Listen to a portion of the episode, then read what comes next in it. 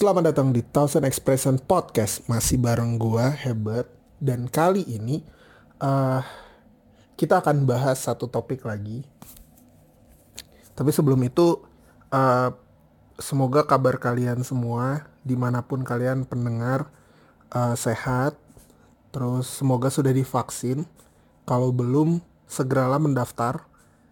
Karena udah gampang ya Daftar vaksin di mana-mana udah ada. Nggak harus nunggu pendataan dari tingkat desa atau kecamatan lagi.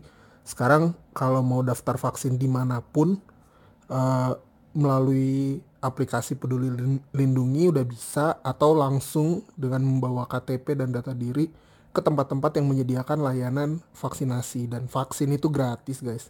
Setidaknya sampai sekarang. Setidaknya sampai gue merecord uh, record ini merecord uh, podcast ini masih gratis. Kita nggak tahu ya ke depannya seperti apa. Dan buat tenaga kesehatan, semoga kalau lu pendengar gua dan lu adalah tenaga kesehatan, semoga lu uh, selalu kuat dan sehat ya, selalu semangat gitu ya. Dan semoga dapat vaksin booster ya, suntikan ketiga buat pejabat yang dapat suntikan ketiga, come on man. Tapi kalau buat tenaga kesehatan, uh, insya Allah gue ikhlas. tidak apa ya, um, tidak keberatan lah, 100% mendukung. Seperti itu. Uh, buat lo yang masih belum mau divaksin, uh, gue berani jamin alasan kenapa lo belum mau divaksin itu pasti karena uh, informasi untuk sampai ke apa ya ke detailnya mengenai vaksin tuh pasti belum benar-benar lo dengar semua gitu. Kalau lo udah cukup uh, mendapatkan informasi dengan proper, gue yakin lo pasti bersedia divaksin gitu. Karena sejauh ini, setidaknya sampai gue rekam podcast ini ya, kita masih belum punya solusi lain untuk uh, menangani pandemi ini. Jadi sebaiknya uh, kita pakai satu-satunya cara yang um, sudah terbukti lah uh, mampu gitu ya mengendalikan. Kita nggak bisa bilang menghilangkan karena hampir semua pejabat sekarang dan ahli-ahli itu udah pada ngomong kalau ini bakal jadi endemi. Jadi ya mungkin untuk menghilangkan butuh lebih dari beberapa tahun ke depan gitu ya. Tapi untuk mengurangi dan mengendalikan, gue rasa vaksin menjadi salah satu uh, caranya. Jadi dan dan uh, tentu saja ya uh, protokol kesehatan. Gue sih nggak pengen sekalipun lu udah vaksin lengkap melupakan protokol kesehatan ya karena mulai dari 2019 akhir, 2020 awal Maret Indonesia punya kasus pertama. Lu mesti menyadari bahwa uh, mungkin itu adalah kali terakhir uh, kita bisa beraktivitas tanpa masker gitu ya. Sejak saat itu kebiasaan kita tuh udah baru dan lain sebagainya. Dan sudah menyesuaikan dengan keadaan pandemi. Kebijakan juga udah mulai menyesuaikan sama keadaan pandemi. Traveling juga udah jadi menyesuaikan sama keadaan pandemi dan ya gitulah. Semua sudah berubah. But anyway, gue tidak ingin bahas tentang vaksin karena uh, tentu saja gue bukan orang kesehatan ya. Dan sebagai orang yang bukan orang kesehatan gue ngerasa songong dan sotoy untuk ngebahas mengenai pervaksinan dan perkovitan kopat kopit kopat kopit ya. Jadi gue tidak akan bahas itu. Gue bahas sesuatu yang sama serunya menurut gue setidaknya menurut gue uh, dengan perkovitan duniawi ini ya. Um, gue mulai dari mana ya? Oke. Hari ini gue mau bahas soal data pribadi kita. Um, kan um, data pribadi itu sebenarnya memperolehnya tuh relatifly gratis ya. Cenderung gratis dan bahkan hampir gratis gitu. Kalaupun untuk mendapatkan dokumen tentang data pribadi kita itu bayar itu biasanya hanya terjadi di beberapa tempat aja gitu. Gue berani jamin gak semua tempat ngurus KTP itu ada punglinya. Ngurus SIM tuh ada punglinya. Gue yakin lah gak semua tempat kayak gitu. Kalau semua tempat kayak gitu udah hancur lah negara kita. Jadi kemungkinan tidak semua tempat. Tapi pasti ada tempat. Ya kita belum bisa bilang pungli itu bersih ya di Indonesia. Dan kita mesti mengakui bahwa pengurusan dokumen-dokumen data pribadi uh, masih ada lah yang harus bayar tapi relatively gratis ya cenderung gratis dan kebanyakan gratis um, karena sesuatu yang murah dan kebanyakan gratis untuk dapetinnya, kadang-kadang kita ngerasa eh, itu tidak penting dan tidak terlalu kita hargai. Padahal data pribadi ini penting banget nih guys, asik guys. ya serius, ini uh, penting banget. Jadi, hmm, masalahnya sekarang ini kondisinya udah ya kalau kata pemerintah ya 4.0 gitu, 2.0 atau udah 4.0 malah gitu ya. Bahwa sekarang tuh udah inovasi tuh udah ti tidak terbendung gitu ya. Dan kebanyakan inovasi kita tuh bergerak di bidang teknologi dan lahirnya dunia maya itu kan sebenarnya satu terobosan yang luar biasa gitu. Bahwa lu bisa bercengkrama dengan orang yang uh, jaraknya jauh tidak terbatas pada jarak dan radius frekuensi uh, jar jarak lagi. Ya pokoknya tidak tidak terbatas pada tempat dan waktu uh, lu bisa berkomunikasi dengan orang yang bahkan sangat jauh gitu. Gue sendiri punya teman di Amerika gitu dan meskipun dia jarang bales ya tapi gue tetap bisa berkomunikasi dengan dia. Uh, penemuan sosial media tuh sebenarnya udah mendorong manusia tuh merubah uh, pola kehidupannya gitu di mana uh, men menggunakan ya internet kita ini itu sebagai daily activity yang bahkan lebih banyak penggunaannya lebih daripada waktu kita menghadapi dunia yang sebenarnya. Wih. Iya serius karena lu bekerja pakai internet. Ya kan? Di browser kita kan minimal pasti kita akan langsung login email. Kirim-kiriman uh, tugas dari atasan bawahan dari guru ke mahasiswanya, eh guru ke siswanya, dosen ke mahasiswanya itu bimbingan skripsi segala macam. Itu udah email-emailan gitu Terus uh, setidaknya dari kalian pasti ngegunain satu sosial media minimal. Belum lagi ada beberapa orang yang menggunakan jauh lebih banyak dari itu. Misalnya dia pakai Facebook juga, pakai Twitter juga, pakai Instagram juga, pakai TikTok juga, I think. Gitu. Dulu zaman pet masih ada pakai pet. Wih, tawan banget ya umur gue berapa ya. Banyak dari kalian pasti nggak tahu itu pet itu aplikasi apa ya. Tapi gue ngalamin tuh dulu uh, punya pet sekitar 2013 um, tiap kali gue berangkat ke Semarang dan pulang dari Semarang gue selalu login pet gue supaya semua orang tahu bahwa gue ada di mana sekarang oke. Eh, tapi dulu sebenarnya pertama kali gue punya Facebook itu ya itu sekitar 2000 berapa ya? Mungkin 2000 2008 ya 2007 2007 2008 mungkin mungkin atau 2008 2009 tapi kisaran tanggal segitu kisaran tahun segitu. Dan saat itu gue orangnya gimana ya kalau ngelihat teman-teman gue kan biasanya mereka bikin um, nama Facebook itu nama-nama yang bisa dibilang bukan nama asli gitu ya. Saya kayak siapa Ciayang siapa gitu. Sedangkan gue tuh um, nggak mau bikin kayak gitu. Maksudnya ya udah nama nama pribadi gue aja gitu. Um, ya nama pribadi gue aja. Jadi gue tulis nama lengkap gue terus kayak tanggal lahir gue tulis tanggal lahir gue apa adanya. Sesuai dengan tanggal yang di yang gue punya di akta lahir gue terus alamat gue bahkan tulis gitu. Agama ya kan? Dan kalau Facebook kan ada kelebihannya status ya, hubungan gitu. Tuh gue tulis tuh. Apalagi kalau baru-baru jadian ya kan? Gue tulis siapa nama pasangan gue biar rame deh tuh satu sekolah. Sangat teman-teman gue tuh kan dulu uh, ada dua aplikasi besar ya zaman tahun segitu ya tahun 2007 2008 itu ada Friendster sama Facebook. Friendster tuh lebih gampang bikinnya karena nggak perlu pakai email. Sedangkan Facebook perlu pakai email. Waktu itu ketika gue join gue males punya dua sosial media. Jadi gue pengen pakai satu aja yang lebih banyak orang pengguna. Lebih banyak penggunanya yang gue kenal.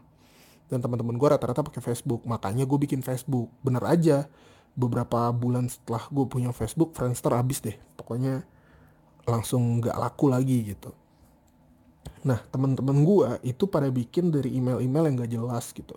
Terus dia bikin akun Facebook dengan nama gak jelas. Terus isinya ya bohong semua gitu. Misalnya kayak kerja di PT Harapan uh, Cinta Maju misalnya kayak gitu. Yang menggelikan gitu ya zaman-zaman alay. Tapi sebenarnya kan PT itu nggak nggak pernah benar-benar ada gitu. Sedangkan gue ya gue tulis aja gue sekolah di SMP nama nama SMP gue gitu. Terus uh, eh, gue uh, invite abang gue yang punya Facebook juga sebagai brother kakak atau adik gitu. Jadi data di Facebook gue itu itu bener-bener semuanya ada nomor HP nama lengkap tempat tanggal lahir alamat data keluarga gue abang dan kedua abang gue terus bokap gue belakangan gabung Facebook juga terus kami link-linkan juga ayah dan anak. Jadi jadi bener-bener dia kalau ada orang yang ngintip Facebook gue dalam arti dia bisa punya akses ke Facebook gue karena sebenarnya gue tutup sih semua data itu. Nggak semua orang yang ngakses Facebook gue buka ke beranda Facebook gue gitu bisa ngelihat uh, data-data itu. Nggak udah gue tutup tapi kalau misalnya dia bisa masuk dan ngakses Facebook gue, itu dia punya semua data yang gue bilang tadi itu ya nama, nomor HP, tempat tanggal lahir, data keluarga, alamat rumah. Sedangkan gue kasih tahu nih pentingnya nomor uh, data-data tersebut ya. Nomor HP itu kan terkonek sama sistem perbankan kita gitu. Uh, jadi itu data yang krusial gitu dan termasuk dalam kategori data pribadi gitu paling data yang gak terlalu pribadi nama lengkap. Nama lengkap pun uh, beberapa temen gue tuh ya bikin nama akun sosial medianya dengan nama beken panggilan sekolah gitu. Jadi ya bukan nama asli dia gitu. Tapi terpas dari itu semua ya nama mungkin data yang terbuka. Karena ya kalau misalnya kita ngelakuin segala macam aktivitas kan kita pasti pakai nama kita uh, nama lengkap gitu. Jadi mungkin nama lengkap boleh lah nggak terlalu apa. Tapi kalau misalnya kayak nomor HP kayak tempat tanggal lahir nih buka uh, statement-statement uh, keuangan ya misalnya kayak asuransi segala macam itu tuh passwordnya itu pakai uh, tanggal lahir. Seimportan itu tanggal lahir gitu. Dia bisa membuat lu memiliki akses terhadap beberapa hal yang yang penting gitu. Kalau nggak penting kan PDF-nya nggak nggak bakal dibikinin paspor password Kenapa dibikin password? Karena itu penting dan kalau bisa itu rahasia, tentu saja itu rahasia. Dan dengan orang yang punya data uh, ulang tahun kita, dia bisa mengakses ke berbagai instrumen keuangan kita gitu. Dan itu sangat berbahaya. Sedangkan kita kan nggak bisa membendung teman-teman kita ngucapin selamat ulang tahun di sosial medianya gitu kan ya. Tapi sebisanya sebisa mungkin ya jangan uh, di post terus-terusan gitu yang membuat uh, data mengenai ulang tahunnya jadi jadi tersebar banyak gitu. Nah uh, sebenarnya kenapa gue tulis semua data diri gue dengan benar di semua sosial media gue jawabannya karena gue orangnya simple. Gue nggak pengen punya dua akun tiga akun kayak kebanyakan teman-teman gue gitu. Ada akun yang khusus untuk uh, aktivitas hobinya dia gitu. Ada akun yang dipakai untuk login game ada akun yang benar-benar dipakai untuk sosial media. Sedangkan gue ya simple. Apa adanya akun itu aja gitu. Itu alasan gue gitu. Nah sebenarnya gue juga nggak terlalu berpikir negatif kayak gimana ya sama sosial media kita dan sama data diri kita yang ada di itu baru satu jenis nih data diri yang ada di sosial media. Itu baru itu. Gue masih belum bahas data diri lagi yang banyak dari uh, berbagai tempat berbagai wadah kayak gitu ya. Nah tapi keawarean gue terhadap perlindungan data pribadi sebenarnya itu dimulai dari tahun 2018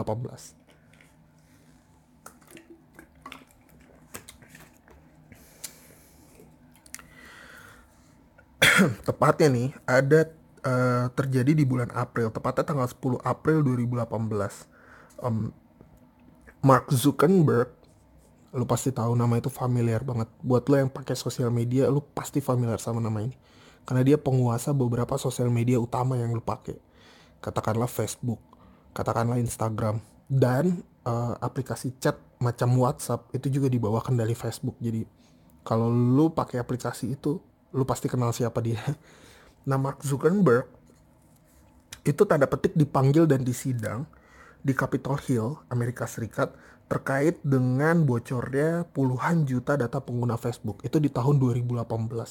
Sejak saat itu gue langsung aware, wah bocor nih. Data itu dipakai apa gitu. Siapa yang bocorin dan tujuan dia ngebocorin tuh untuk apa. Gue jadi mulai apa ya mulai aware ya mulai mulai uh, kaget gitu dengan kebocoran data ini gitu. Itu kan datanya sangat banyak gitu ya. Cuman Facebook pasti penggunanya ratusan juta. Mungkin juga udah nyentuh angka miliar, gue nggak tahu.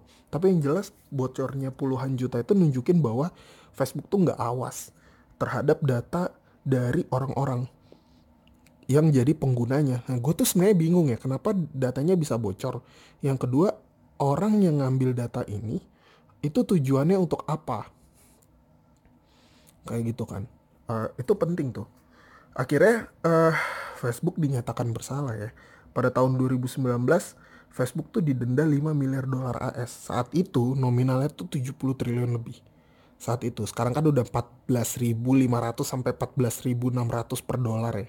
Jadi mungkin angkanya udah lebih besar daripada yang waktu itu. Tapi waktu itu nilainya tuh 70 triliun. Gue yakin lah penghasilan Facebook yang banyak itu 70 triliun kagak ngaruh. Tapi kan chaos banget ya. Maksudnya di Amerika itu dia udah diputus bersalah nih. Karena katanya uh, dia tuh terbukti lalai terhadap perlindungan data dan terbukti juga memanfaatkan nomor telepon pengguna untuk keuntungan iklan, untuk kepentingan iklan.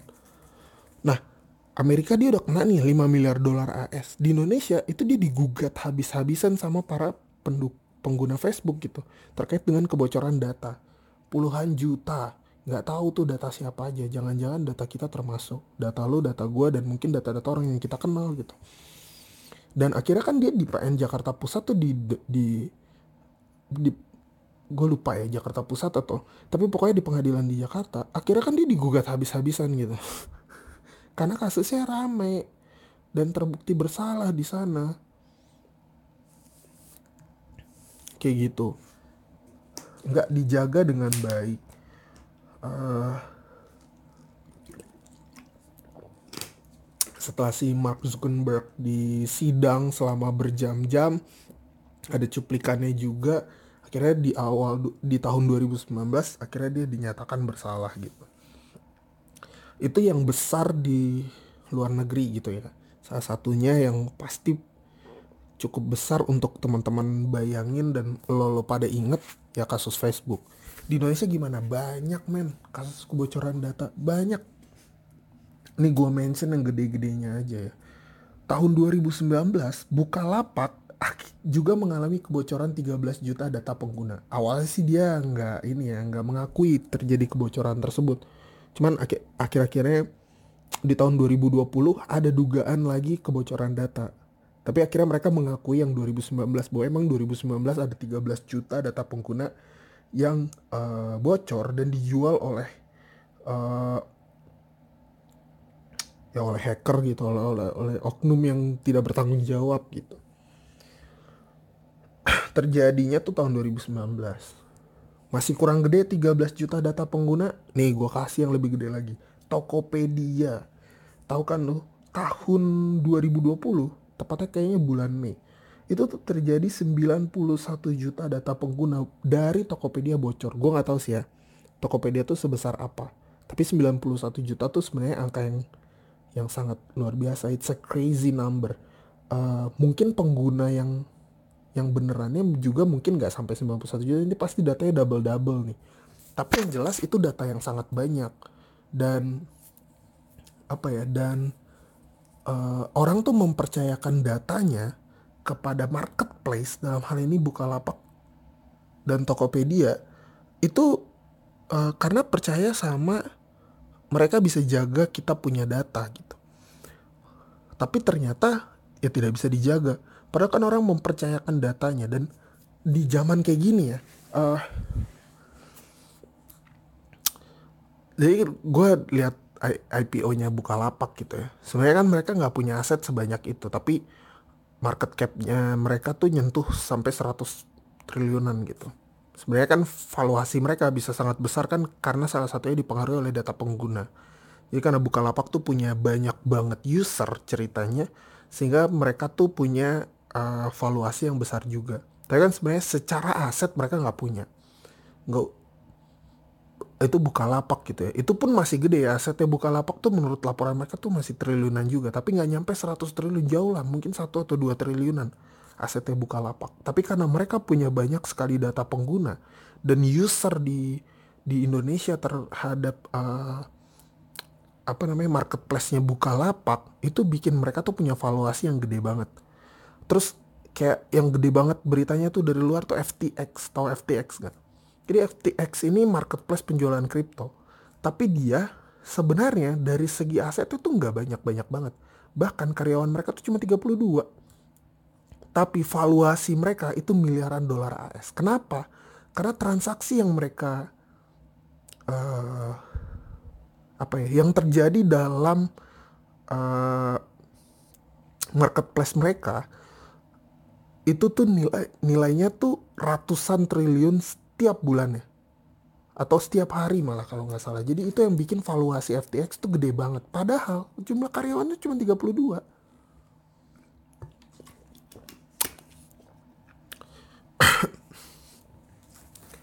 Jadi sekarang uh, data dalam beberapa bidang perusahaan startup itu udah masuk dalam kategori aset. Jadi data kita, data pengguna itu dalam berbagai kesem uh, jenis di marketplace itu tuh dianggap sebagai harta gitu, dianggap sebagai aset. Makanya mesti kita jaga benar-benar gitu. Uh, yang 91 juta ini mirip-mirip nih angkanya sama data BPJS. BPJS kan juga pernah dikabarkan bocor datanya. Ya kan? Kalau 91 juta dirasa kurang besar, masih ada yang lebih juta lagi. Eh, lebih juta lagi lebih besar lagi 279 juta data penduduk Indonesia. Itu ada beritanya. Gini deh gue gue takut lu semua nganggep gue bohong. Lu luangin waktu buka Chrome lu ketik aja data penduduk Indonesia bocor. Itu tuh ada dan dijual di di webnya Red Forum namanya. Itu tuh ada dan dugaannya itu bocornya sebanyak 279 juta data kita data penduduk Indonesia. Coba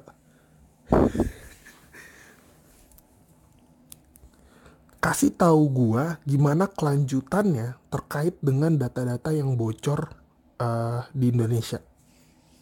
Kalau lu bisa menemukan bagaimana kelanjutannya, wah lu bohong pasti. Karena gak ada kelanjutannya. Gak ada lah, kosong. Apa yang mau ditindaklanjutin? Kita tuh belum punya peraturan yang proper mengenai perlindungan data pribadi percaya atau enggak ketika gue bikin podcast ini kita tuh sekarang lagi proses penyusunan RUU PDP perlindungan data pribadi. Tapi waktu itu dijanjiin 2019 tuh RUU ini udah selesai. Nggak jadi mundur ke November 2020 nggak jadi lagi mundur lagi. Sampai saat ini sempat Desember 2020 tetap mundur akhirnya sampai saat ini nggak jadi-jadi. Sampai gue nger ngerikot podcast ini. Kita tuh belum punya uh, rumusan peraturan yang yang proper gitu. Gimana uh, gimana bisa ada kelanjutan terhadap data-data yang bocor tersebut? yang nggak ada lah. Orang nggak ada peraturannya, nggak ada ketentuannya.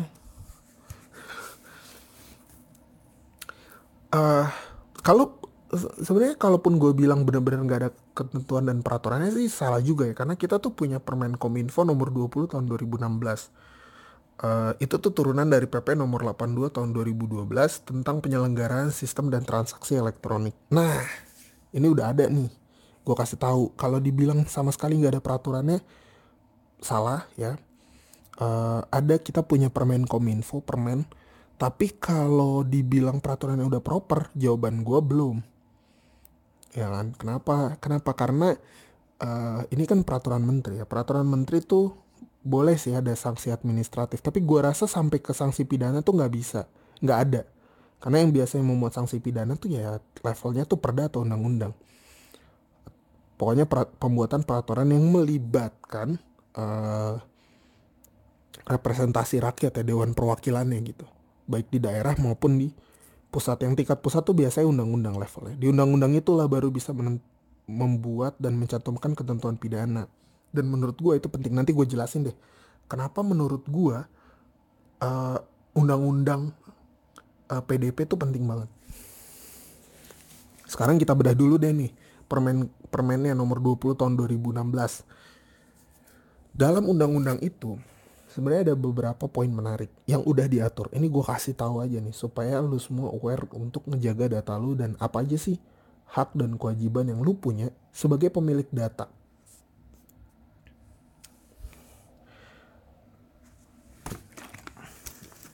Sabar minum dulu. Oke. Okay.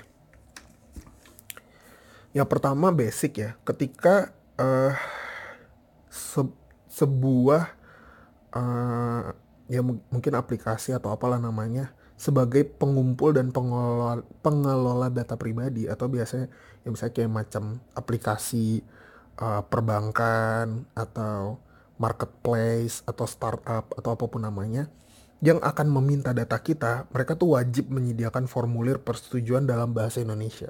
Itu itu uh, simple lah. Bahwa itu peraturannya ada. Kalau lu diminta masukin uh, data diri lu tanpa ada tulisan syarat dan ketentuan persetujuan segala macam yang harus lu bisa baca. Ya jadi gini ya term and condition gue tahu deh nggak semua orang baca tapi lu harus tahu bahwa harus ada uh, term and condition yang menyatakan bahwa lu setuju bahwa lu mengumpulkan data lu setuju data tersebut boleh digunakan oleh pihak yang lu berikan data tersebut. Contohnya misal kalau lu lagi apply perbankan, sekarang kan lagi zaman ya bank digital ya. Lu apply perbankan dari HP. Itu pasti di, ketika lu masukin data itu lu disuruh checklist setuju terhadap syarat syarat dan ketentuan. Nah, syarat dan ketentuan itu sebenarnya kalau lu klik itu ada penjelasan ya data itu. Intinya lu memberi kuasa untuk uh, data tersebut kepada pihak bank misalnya untuk digunakan uh, sebagai berikut gitu. Hak dan kewajiban lu sebagai pemilik data apa? Uh, karena kan pasti ada hak lo adalah bahwa data lu uh,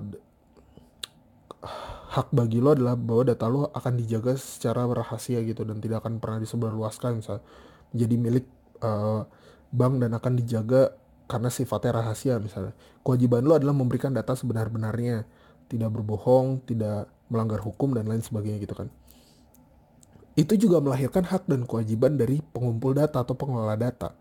Ya misalnya kayak perbankan harus wajib menjaga kerahasiaan data pengguna. Haknya adalah uh, apa namanya memberikan layanan gitu terhadap orang yang sudah terdaftar sesuai dengan ketentuan peraturan perundang-undangan misal kayak gitu lah. Itu tuh harus ada term and condition ya. Kalau lu nggak ada term and condition, jangan deh, jangan sekali-sekali lu kasih data lu terhadap sebuah um, lembaga gitu ya katakanlah yang nggak ada term and condition persetujuan itu dan kalau lu ada waktu lu baca deh term and condition jangan dibiasain ketika ada syarat dan ketentuan tuh nggak dibaca. Baca ya jangan lupa. Terus data yang diminta tuh harus dibatasi sesuai dengan peruntukannya lah ya kan? Kalau perbankan atau kalau lu misalnya ngurus kartu kredit ya penting lah bagi mereka untuk mengetahui berapa sih gaji yang lu punya gitu. Dalam bentuk slip gaji yang harus lu tunjukin gitu kan. Karena kan mereka mau ngasih lo kredit mereka harus tahu kemampuan finansial lu sejauh apa. Data mengenai slip gaji itu kan nggak akan diminta di aplikasi lain misalnya kayak lu lagi bikin akun Facebook atau Instagram mereka kan nggak akan minta slip gaji lu gitu kan. Ya tentu saja harus dibatasi sesuai dengan kegunaannya. Ya kalau data-data yang sifatnya penghasilan lu diminta oleh uh, lembaga yang akan memberikan kredit kepada lu ya tentu saja itu masuk akal dan data tersebut harus dipenuhi gitu kan. Kalau nggak dipenuhi ya nggak dapet loh kartu kredit. Misalnya gitu terus bahwa pasal di pasal 8 di permen itu diatur bahwa data itu harus bersifat rahasia datanya bersifat rahasia bukan harus sorry terus dan pengumpul wajib menjaga kerahasiaan data tersebut di pasal 9 Terus ada penggunaan dan pemanfaatan data pribadi harus berdasarkan persetujuan, itu pasal 24.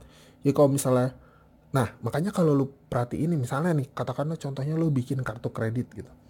Uh, mereka kan biasanya tanya, apakah boleh data pribadinya, data penggunanya dijadikan uh, apa ya, di, di, diberikan lagi kepada pihak lain untuk kemudian dijadikan uh, bagian apa namanya diperlukan untuk promosi gitu. Kita kan boleh bilang iya dan tidak gitu kan. Karena semua penggunaan data tuh harus berdasarkan persetujuan itu yang tercantum dalam permen tersebut ya permen nomor 20 tahun 2016 detailnya lu baca aja deh ini gue cuma ngasih resumnya aja ya.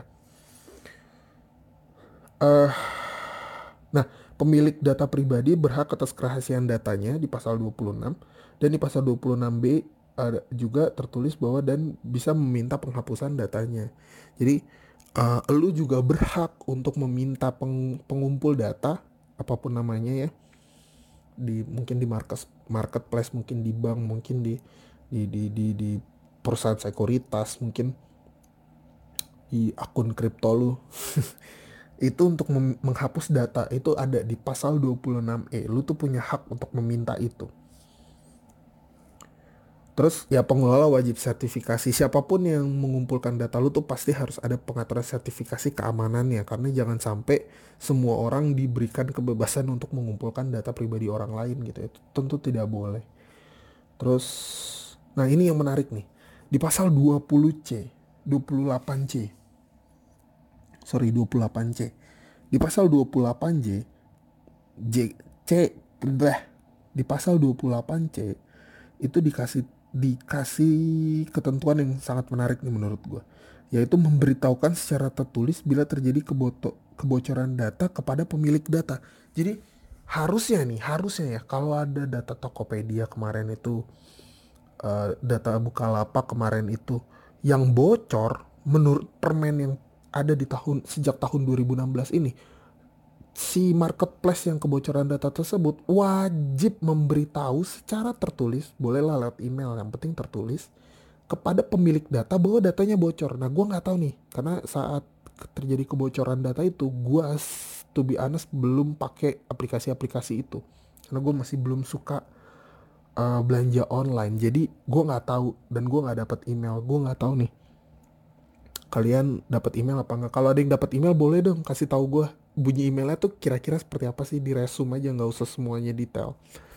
Pengen tahu apakah benar mereka menjalankan kewajiban mereka sesuai dengan peraturan menteri ini bahwa mereka memberitahukan secara tertulis bahwa data kita tuh udah bocor atau gimana. Kalau ada tolong email gua ya. Gue pengen banget tuh ngelihat gimana pemberitahuannya. Tapi yang kemudian menarik adalah katanya kan ada isu data 276 juta penduduk Indonesia uh, eh, 279 sorry 279 juta data penduduk Indonesia katanya bocor ya. 279 tuh hampir semua. Sangat besar kemungkinannya data gue juga bocor di situ. Sangat besar. Jadi kok pemerintah nggak ngemail gue ya? Tidak memberitahukan nih ini apa ya Just kidding. Karena harusnya menurut peraturan uh, permen ini, permen 20 tahun 2016 harusnya diberitahu kalau data kita bocor gitu. Pemberitahuan. Itu wajib tuh pasal 28 C lu baca sendiri dah. Terus uh,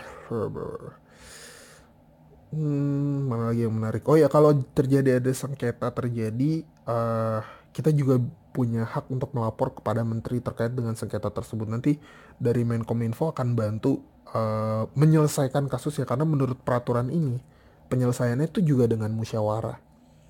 Terus ada juga sanksi administratif. Sanksi administratifnya tuh isinya peringatan ringan, peringatan tertulis, pemberhentian sementara dan pengumuman di di media lah uh, tentang ya mungkin tentang ketidakprofesionalan lembaga pengelola ini gitu. Itu hukuman yang paling beratnya kayak pengumuman itu ya. Karena kan terkait dengan data ini kan sebenarnya diperlukan trust ya. Sama kayak perbankan gitu loh. Orang tuh mainnya trust kepada lembaga perbankan tersebut. Makanya orang mau nyimpen duit mereka di sana. Gitu. Dan kalau tidak ada trust lagi kan nggak bakal ke mana-mana. Makanya uh, kayaknya yang soal pengumuman diumumkan tadi itu tuh itu udah paling topnya itu. Nah uh, tadi gue udah singgung dikit soal RUU PDP gue ngerasa undang-undang ini tuh penting banget teman-teman. Kenapa? Karena dalam undang-undang ini juga mengatur banyak hal. Salah satunya mengatur sanksi pidana. Kita kan misalnya nih uh, kayak kasus yang udah kejadian misalnya kayak data BPJS bocor, data Bukalapak bocor, data Tokopedia bocor misalnya. Gue sih nggak mau langsung nyalahin developer ya. Karena boleh jadi mereka tuh udah bikin sistem sebaik yang mereka bisa. Dan udah mungkin udah nge-hire para bug hunter juga untuk mencari uh, untuk berburu dan bisa mem memberitahu kepada pihak developer bagian mana sih dari sistem mereka tuh yang bisa ditembus atau gampang atau rentan kayak gitu. Dan mereka langsung melakukan pembaharuan-pembaharuan gitu. Bayar bug hunter yang mahal supaya mereka semangat untuk nyari bug-bug berikutnya di di uh, sistem aplikasi mereka. Mungkin mereka udah melakukan yang terbaik yang bisa mereka lakukan gitu. Tapi toh memang ya selalu ada orang yang lebih pintar dari yang lain. Sehingga dia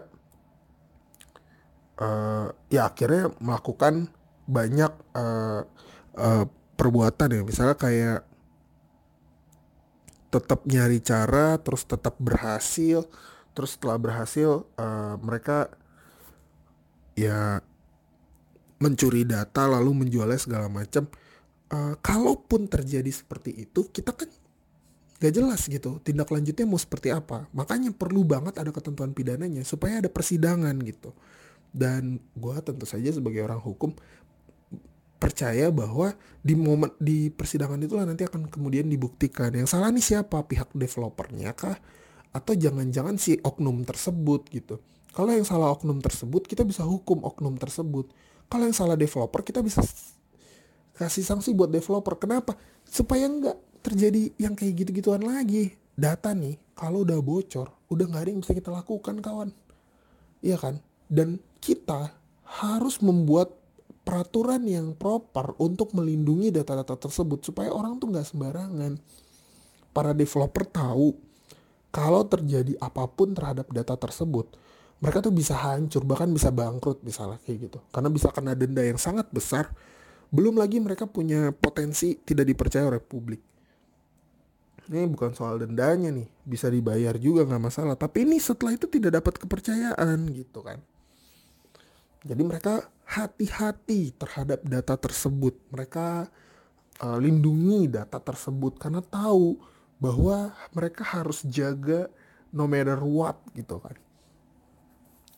Juga memberikan uh, pengaturan yang bisa menghentikan orang-orang yang gak bertanggung jawab mencoba-coba gitu. Mungkin kan anak-anak baru puber gitu ya. Mungkin mereka ngerasa kayak, uh gue berhasil menembus ini gitu, menembus ini. Terus dia pakai buat ya aktualisasi dirinya gitu ya kan misalnya. Um, nah kita bisa stop orang-orang kayak gini juga karena ini sangat merugikan. Gitu. Jadi penting banget kita punya peraturan yang proper. Kenapa? Karena data pribadi sangat penting dalam kondisi seperti ini gitu. Dan kita butuh uh, perlindungan yang maksimal terhadap data-data tersebut karena itu adalah sesuatu yang sangat bernilai buat kita. Kenapa bernilai? Ini gue kasih tahu. Kita tuh banyak banget sekarang kasus penipuan, uh, kasus-kasus yang mungkin bukan penipuan tapi spam, spamming gitu ya, bener-bener nge-spam kita gitu. Uh, misalnya kayak pinjaman online ilegal gitu. Itu kan dia wajib tuh ngejaga data dirinya mereka tuh nggak boleh sembarangan menggunakan data tersebut. Eh, data-datanya malah mereka pakai untuk nagih utang dan menyebar teror. Itu kan sangat mengganggu gitu misalnya. Nah, mereka bisa kena sanksi gitu. Harapan kita kalau udah ada undang-undang ini, kita punya peraturan yang proper, yang kayak gitu itu tuh nggak bisa dibiarin dan mereka bisa kena sanksi. Karena mereka benar-benar sangat mengganggu dan malah menggunakan uh, nomor yang mereka punya uh, dengan mengakses uh, eh, HP mereka HP para korban gitu ya. Terus dia pakai untuk mengganggu dan demi berusaha untuk collect the money lagi gitu. Dengan dengan bunga yang gila banget gitu. Masalahnya bunganya sendiri aja udah nyiksa gitu kan. Gimana orang bisa bayar? Orang tuh justru minjem duit karena nggak punya duit gitu. Tapi malah dia dibebani bunga bunga yang sangat besar gitu kan. Ya gimana? Ya, makin bingung gitu kan atau kalau misalnya ada orang yang sengaja ngejebol satu sistem untuk dapetin dapetin data gitu ya. Terus data tersebut dijual lagi dengan harapan bisa dapetin keuntungan. Tujuannya profit motif gitu. Yang kayak gitu juga kan harus kita stop gitu. Masa kita mau biarin orang terus-terusan berusaha untuk ngambil data orang lain terus dia jual dan data-data itu kalau dipergunakan uh, oleh orang lain dengan tujuan yang buruk kan justru akan sangat berbahaya. Ya kalau tujuannya untuk ngasih iklan doang kayak Facebook gitu ya. Gimana kalau tujuannya yang lain gitu? Untuk melakukan pemerasan untuk ya mungkin jadi uh, penipuan langkah penipuan langkah-langkah berikutnya yang bisa dilakukan oleh orang yang nggak bertanggung jawab terhadap data-data tersebut gitu. Dan kalau kita nggak punya peraturan yang proper kita tuh nggak bisa menganggap bahwa data kita tuh data pribadi kita tuh aman. Nggak bisa. Kenapa? Karena kita butuh peraturan yang yang bisa benar-benar melindungi kita. Seperti itu. Kan kita juga nggak mau sih ya. Uh, kita kan punya data justru harapan kita untuk dijaga. Makanya kita mau ngasih ke beberapa aplikasi-aplikasi atau developer-developer dengan tujuan untuk bisa menyimpan data tersebut mereka butuh data tersebut karena mereka butuh data kita supaya nggak ada misalnya kayak pencucian uang atau segala macam. Jadi nggak ada aksi pidana yang dilakukan. Mereka bisa percaya sama kita kita pun harus bisa percaya sama mereka gitu.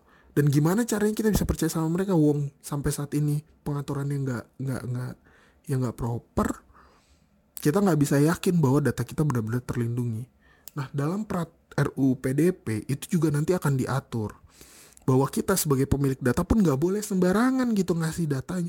Nanti kita ngepost datanya di internet, diakses orang, juga kan bisa jadi salah kita gitu. Jadi uh, di situ semuanya diatur, semuanya diatur dan menurut gua proses pengadilan yang akan membuktikan bahwa jika terjadi sesuatu yang berkaitan dengan kebocoran atau penyalahgunaan atau upaya peng perebutan atau pengambil alihan lalu melakukan penjualan dengan alasan profit motif terhadap data pribadi kita itu nantinya akan jelas hukuman bagi mereka. Dengan begitu baik dari pihak developer atau pengelola data akan lebih hati-hati dari pihak orang yang berusaha gitu mungkin untuk dapat pujian dan kredit sehingga dia berusaha untuk ambil data tersebut. Atau dengan alasan profit motif dia akan lebih hati-hati juga karena hukumannya berat misalnya dan kita sebagai pemilik data juga akan hati-hati untuk memberikan data kita karena kita tahu kita juga bisa di, bisa dianggap bertanggung jawab terhadap data tersebut gitu dengan adanya peraturan yang benar-benar bisa melindungi data pribadi kita, kita tuh bisa benar-benar menjalankan apa yang diharapkan dan diceritakan oleh Pak Presiden gitu bahwa kita semua tuh cukup melek teknologi dan bisa menjalankan kehidupan uh, 4.0 condition gitu. Makanya uh, perlu banget uh, undang-undang perlindungan data pribadi ini untuk kita uh, para masyarakat yang nggak bisa kita pungkiri bahwa kehidupan kita tuh sekarang sudah udah teknologi banget gitu. Semuanya tuh udah serba data gitu. Dan kita selalu memberikan data kita kepada orang-orang lain. Um, dengan berbagai alasan dan kebutuhan gitu. Bahkan banyak banget yang alasannya tuh untuk produktivitas. Kan kalau daftar ke bank kan sebenarnya untuk mempermudah lu juga kan. Jadi lu mau menyerahkan data diri lu ke perbankan supaya lu juga akan dibantu oleh fasilitas yang dimiliki oleh perbankan. Kalau lu punya email kan tujuannya biasanya untuk kerja gitu kan. Nah lu nggak mau kan yang kayak gitu-gitu tuh terus-terusan ditembus orang dan mereka ngegunain data lu untuk sesuatu yang buruk. Misalnya kalau uh, apa namanya data tersebut uh, hanya dipakai untuk endorsement atau gimana. Kalau data tersebut ya dipakai untuk ngakses ke rekening bank ngakses ke kartu kredit ngakses ke uh, akun keluarga kita gitu. Terus dipakai untuk nipu keluarga kita. Atau kalau nggak dipakai untuk nipu keluarga kita dipakai untuk nipu kita. Kan sangat berbahaya gitu di zaman kayak gini semua bisa terjadi. Nah uh, sampai saat ini sih RUU PDP sampai gua record uh, podcast ini memang belum ada. Salah satunya yang sedang diperdebatkan adalah dari antara DPR dan pemerintah ya.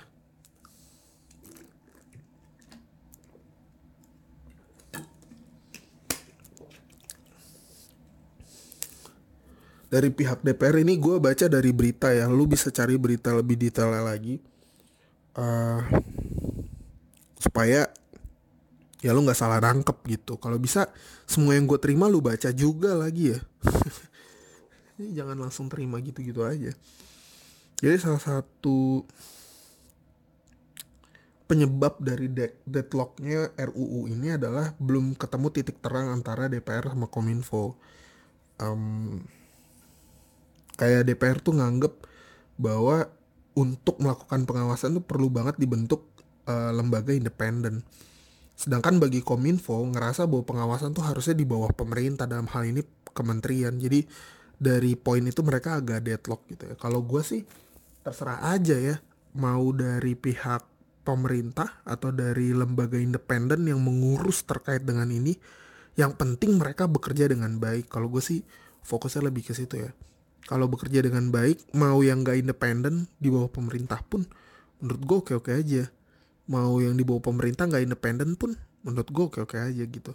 Jadi kalau gue sih netral ya terhadap perdebatan ini. Yang penting dua-duanya kerja dengan baik. Kalau gue sih gitu. Gitulah. Uh, thank you udah dengerin ocehan gue selama 40 menitan ini. Um, gue berharap lu dapat sesuatu dari diskusi dari ocehan gue ini sih. Sebenarnya bukan diskusi tapi boleh banget kalau lu pengen email gue gue ada di 1001 expression dot gmail at gmail.com sorry. 1001 expression at gmail.com uh, emailnya juga udah gue cantumin di profil podcast gue di Spotify sih. Lu boleh banget email gue apa pun yang isinya kritikan kah atau masukan kah atau ide atau topik pembahasan lu boleh banget uh, kirimin ke gue dalam bentuk email. Dan kalau nanti topiknya menarik dan atas persetujuan lo mungkin kita bakal diskusi lagi panjang lebar terkait dengan topik yang lo usulkan misalnya. Dan kita bisa berkolaborasi untuk bikin itu. Buat sementara sih uh, eh, gue cukup concern banget ya sama perlindungan data pribadi. Karena gue pribadi tuh ngerasa data gue tuh sudah tidak aman gitu saking concernnya terhadap perlindungan data pribadi gue, setiap kali gue beli paket, ini gue saranin uh, semua ngelakuin ini juga ya. Jadi setiap kali gue beli paket, gue tuh berusaha menghanguskan, me, menghancurkan lah, menghancurkan uh, data-data uh, alamat dan nomor HP, nama lengkap kita yang ada di uh, apa ya di cover pengantaran paket. Jadi yang isinya alamat itu gue selalu berusaha hancurin. Kenapa? Karena itu penting gitu. Sampah ini kan jauh ya, maksudnya siapa tahu kita buang di sini terus dibawa truk ke kota mana gitu. Terus ditemuin oleh orang-orang dan mereka ngeliat ada alamat di situ. Mereka pakai untuk hal-hal yang kurang baik, nomor telepon kita kan sebenarnya tidak aman. Jadi kalau lu, kalau gue sih selalu gini ya. Jadi bagian alamatnya itu, itu gue gunting kecil-kecil sampai udah nggak bisa kebaca lagi, atau gue bakar sekalian. Jadi gue gunting kecil-kecil terus gue buang ke tempat sampah atau gue baca sekalian. Eh baca gue bakar sekalian. Saran gue kita semua lakukan itu karena itu tujuannya juga untuk melindungi data pribadi kita. Jadi kita juga nggak sembarangan ngebiarin data kita tuh melalang buana di jalanan-jalanan gitu ya. Sampai ada orang yang kebetulan jahat gitu melihat data kita dan dia bisa pakai untuk untuk ya untuk merugikan kita suatu saat nanti. Jadi tetap semangat uh, buat teman-teman semua. Semoga kita selalu terlindung dan kita doain aja nih. Semoga RUU ini RUU perlindungan data pribadi bisa cepat diselesaikan. Dengan begitu kita punya peraturan yang proper terhadap perlindungan data pribadi kita dan seperti biasa thank you karena udah dengerin. Kita ketemu lagi di podcast berikutnya